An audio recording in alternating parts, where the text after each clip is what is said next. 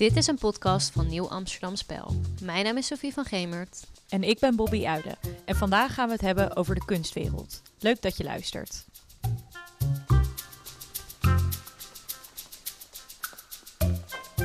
Het handelen, tentoonstellen en verzamelen van kunst associëren we meestal niet met jonge mensen, maar eerder met rijke grijsaards die een veilinghuis tegen elkaar opbieden om een nieuwe Picasso te bemachtigen. Maar vandaag bij ons aan tafel de nieuwe generatie kunstliefhebbers en de toekomst van de Nederlandse kunstwereld. Tegenover mij kunstverzamelaar Nadia Maslin van Young Collector Circle. Hi. En naast haar zit galeriehouder Wouter van Heerwaarde van Galerie Fleur en Wouter. Hoi Sophie. Hi, leuk dat je er bent. En dan staat ze we kunsthandelaar Bob Scholte van Bob Scholte Art. Hey.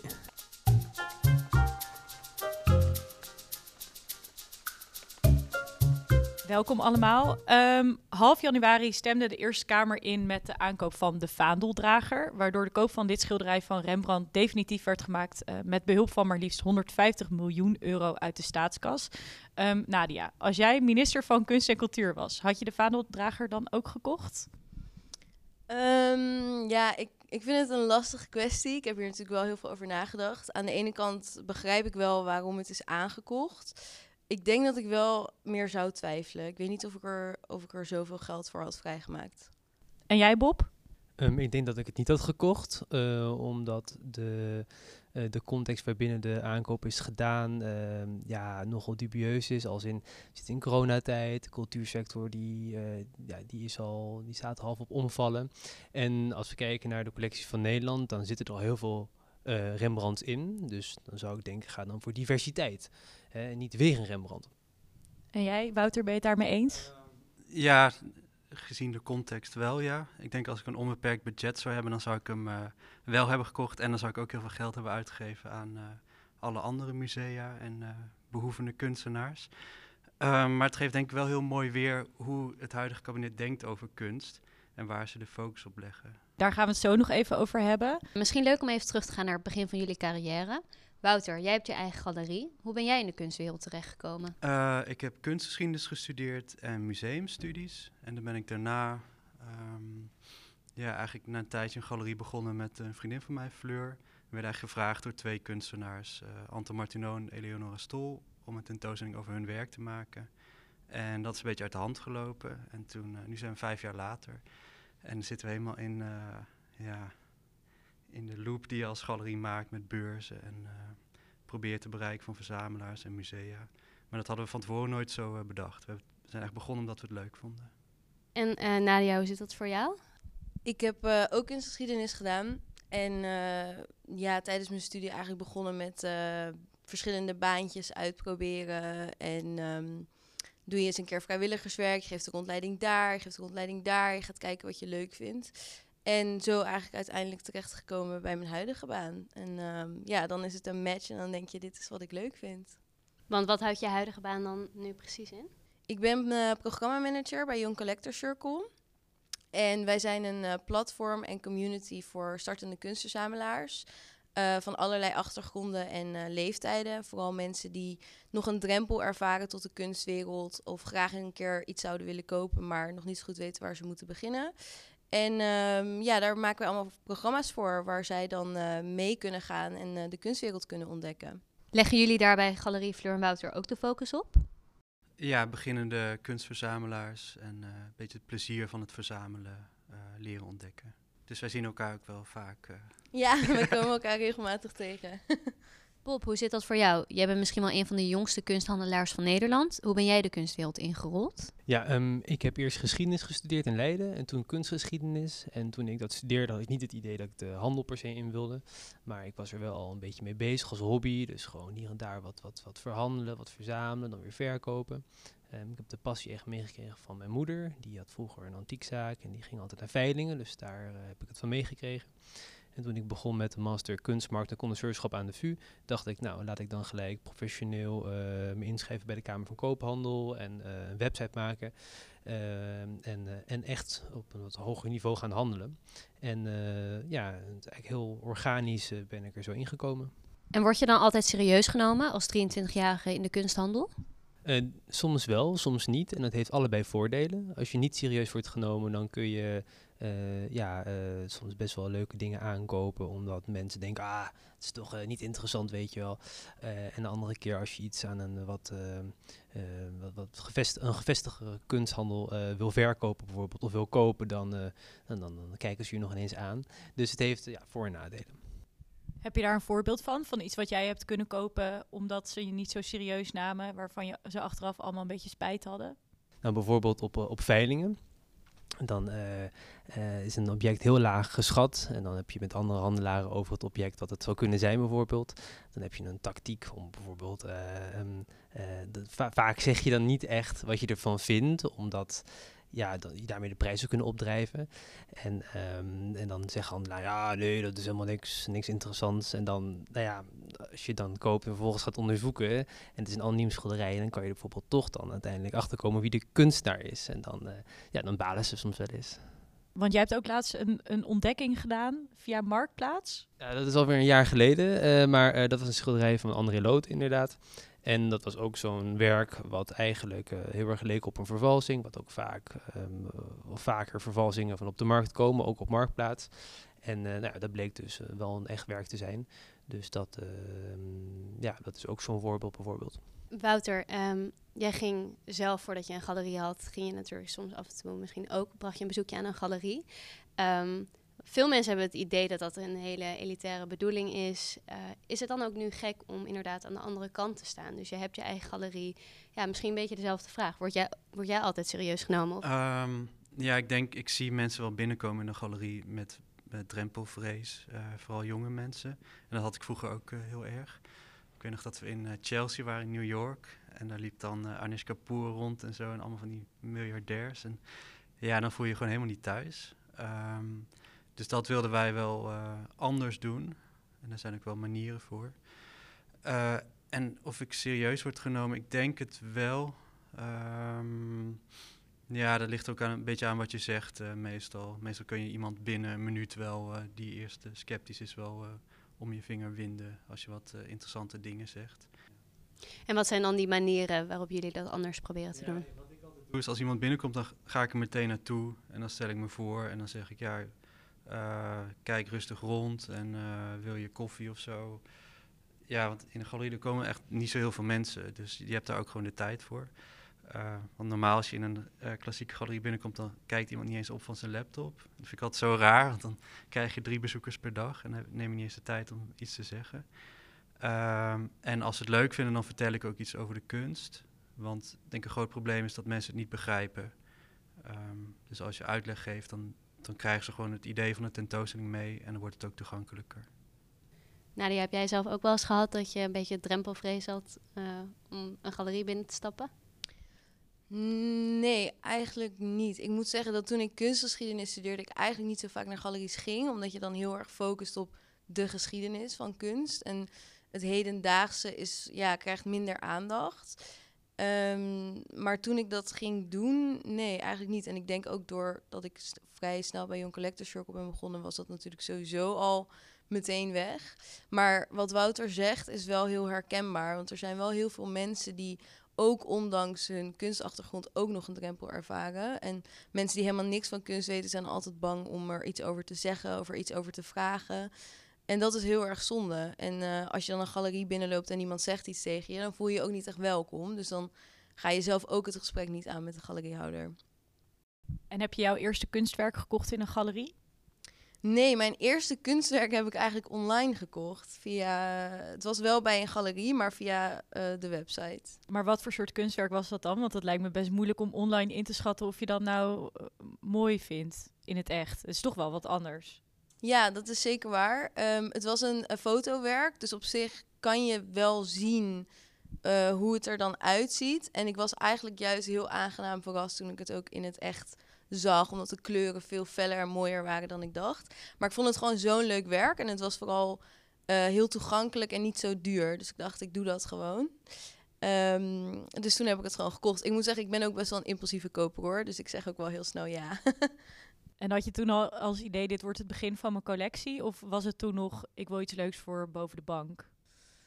Ehm, Nou, ik dacht wel, ik, ik ga sowieso meer kopen. Dat was sowieso wel het plan. Maar niet per se dat ik dacht, oh, dit, dit wordt echt een collectie en ik word echt een verzamelaar. Dat is niet echt een voorbedacht plan geweest. Ik zou mezelf nu trouwens nog steeds niet zo snel echt verzamelaar noemen, als ik heel eerlijk ben. Had jij dat wel bij het eerste werk dat je kocht, Bob? Dat het een uh, vooropgezet plan was? Uh, nee, dat was niet een, vooropzet, uh, niet een vooropgezet plan. Uh, ik heb een, zeg maar mijn eigen voorraad voor, voor de kunsthandel en een soort kleine collectie die ik zelf hou. En dat werk wat ik dan voor het eerst heb gekocht, wat ik dan echt zelf wil houden, heb ik gekocht op Art Rotterdam van Raymond Lemstra. En um, dat was echt gewoon ja, een intuïtieve aankoop geweest. Ik liep er langs en ik dacht, wow, dit vind ik vet.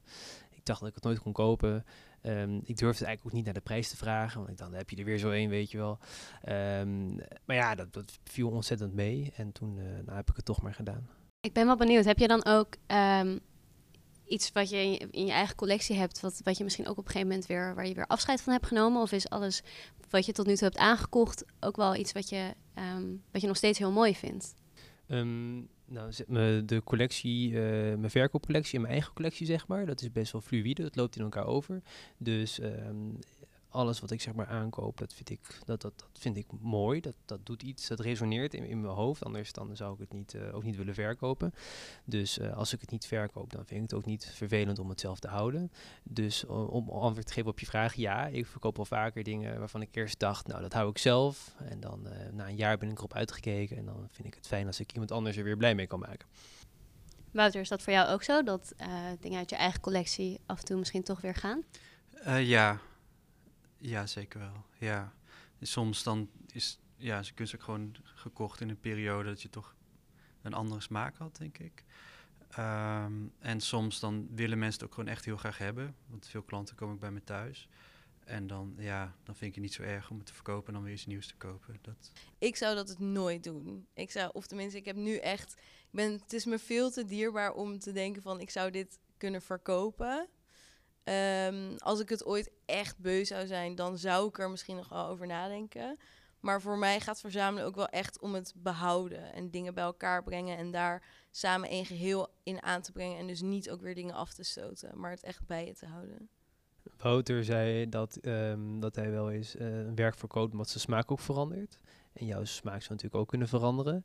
Uh, of vind je het juist interessant ook om te zien hoe je smaak is geëvalueerd? En wil je het daarom misschien ook niet uh, Ja, zeker. Ja, ik denk dat als, als ik... Uh, ik zou nu weer... Ik denk dat ik bijna elke maand wel weer iets anders zou kunnen kopen.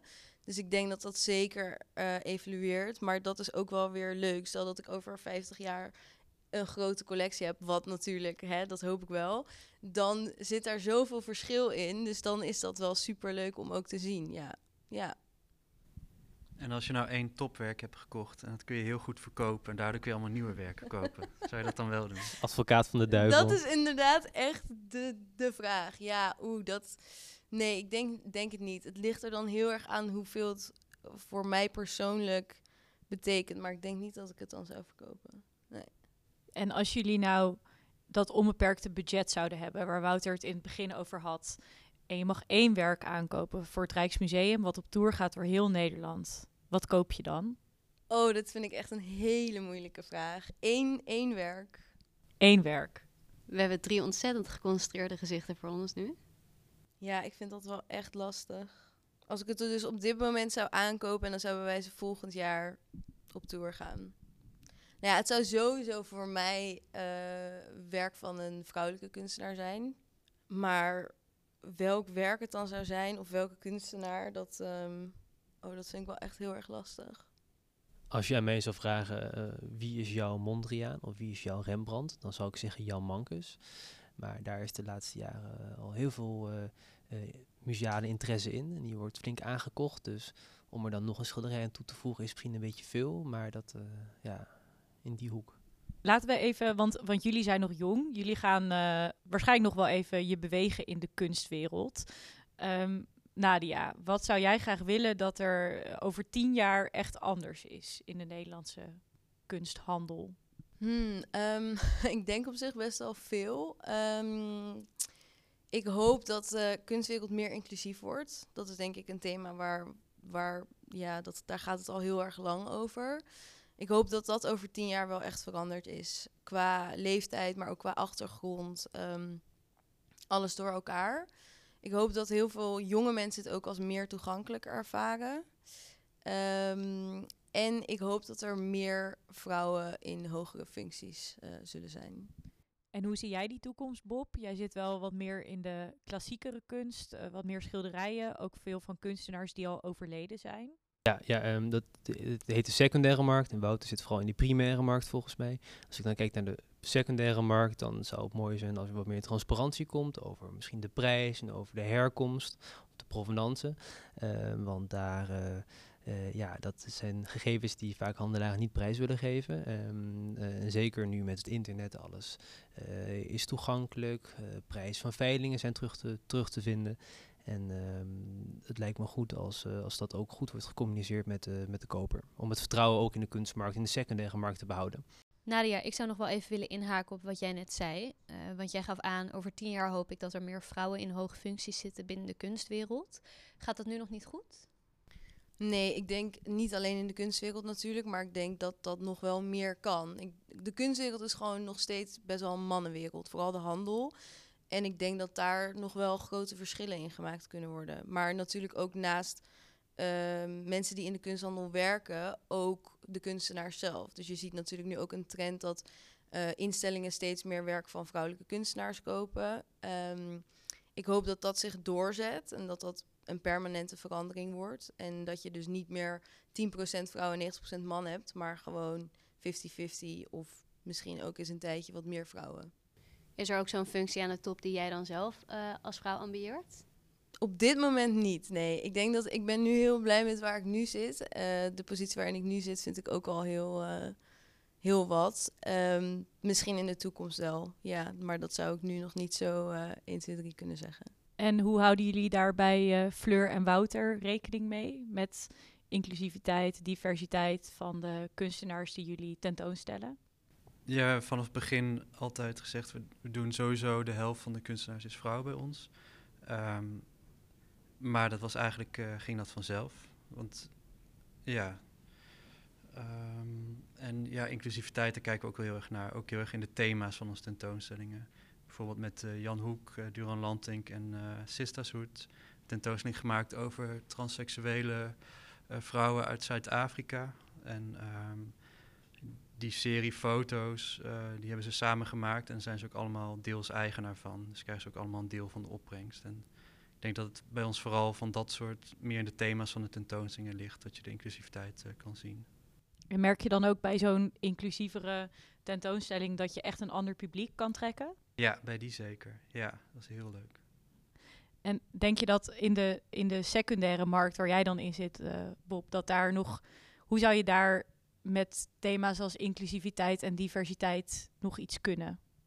Ehm, ik denk dat dat langzaam doorcijpelt, maar dan vertraagt. Dus eh, de secundaire markt is berust op vraag en aanbod. En de vraag en interesse en, eh, eh, ehm, voor vrouwelijke kunstenaars bijvoorbeeld, of kunstenaars uit Afrika, of, eh, eh, ehm, eh, die, die neemt heel erg toe. Dus we zien ook dat eh, kunstenaars, dat kunsthandelaren ehm, ja, eh, daar nu gaan, naar gaan zoeken en dat in hun stand willen hebben, in hun, eh, ja, in hun, in hun tent, zeg maar. Misschien dan nog even eh, beleidstechnisch. We hebben net een nieuw kabinet. Wouter, jij zei dat je de aankoop van de, van de vaandeldrager heel kenmerkend vond voor hoe, er, hoe het culturele beleid wordt gevoerd in Nederland. Wat bedoelde je daar precies mee? Ehm, ja, ik denk dat kunst in Nederland toch wel, in, vooral in het afgelopen kabinet en ook nog in dit kabinet, heel erg wordt gemeten aan de hand van geld. Eh, en een Rembrandt is iets dat heeft een bepaalde waarde bereikt. Dus dat is misschien makkelijker uit te leggen.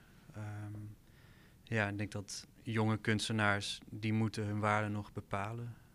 Ik denk ook wel dat het inhaakt op het thema van inclusiviteit. Ik denk dat als je een Rembrandt koopt, dat je daarmee ook zegt Rembrandt is van veel waarde. En dus ook die 17e eeuw, die eigenlijk al die jaren ehm, de belangrijkste kunst in Nederland is geweest. En daarmee doe je eigenlijk onder aan alle jonge kunstenaars die nu net van de academie komen, die een plek voor zichzelf zoeken. Ehm, en als je als kabinet dat daar, daar geen aandacht aan geeft, dan gaan heel veel mensen in Nederland dat ook niet doen. Dus ja, dat zou, dat zou wel een belangrijke verandering moeten zijn.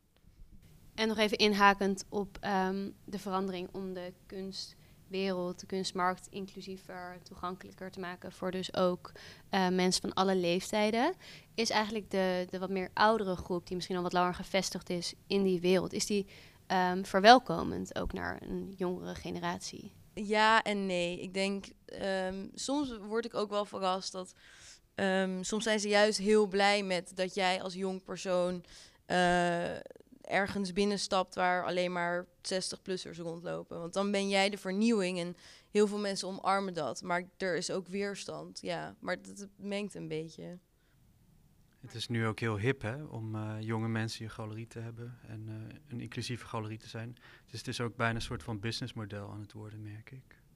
Om jonge mensen aan te trekken tot je galerie. Ja, om actief te zijn op Instagram, om eh, ja, Ja, ben ik het volledig mee eens. Dat denk ik ook wel. Maar ehm, anderzijds, ze, hebben natuurlijk de jongeren nodig voor social media. Ze vinden het leuk dat ze geïnteresseerd zijn. Maar eh, als, als je kijkt naar de handel, ja, ze hebben geen geld. Of althans, sommige jongeren wel, maar over het algemeen eh, minder dan, dan de oudere garde. Dus dan is het gewoon minder interessant. Ja, want natuurlijk, ehm, je moet ergens beginnen als jongere. En als er nu mensen luisteren die denken, ik wil eigenlijk best beginnen met kunst kopen, maar ik heb maar 50 euro. Wat zou je dan tegen zo iemand zeggen? Wat moet je dan doen met 50 euro? Hoe kan je daar nou kunst van kopen, Wouter? Nou, we hebben een hele leuke serie eh, tegeltjes, Sisters of the Castle van Jan Hoek en eh Duran Lantink en de Sisters. En die kosten 50 euro. Dus dan, Oh, eh, nou, dat is ook wel goed voor mij om te weten. Ja, ga naar de veiling. Eh, daar kun je makkelijk voor 50 euro een, een schilderij of een prent of een foto of whatever kopen. Ehm, eh, als je mazzel hebt natuurlijk, soms wordt het veel meer. Soms eh, je 50 euro in gedachten, worden het 20 euro. Dus daar eh, kun je je geluk beproeven. Met eh, die tip voor de luisteraar eh, sluiten we deze podcastaflevering dan af. Ontzettend bedankt dat jullie hier eh, aanwezig waren vandaag. Ja, leuk dat jullie ons hebben uitgenodigd. Ja, graag gedaan. Ja, dankjewel.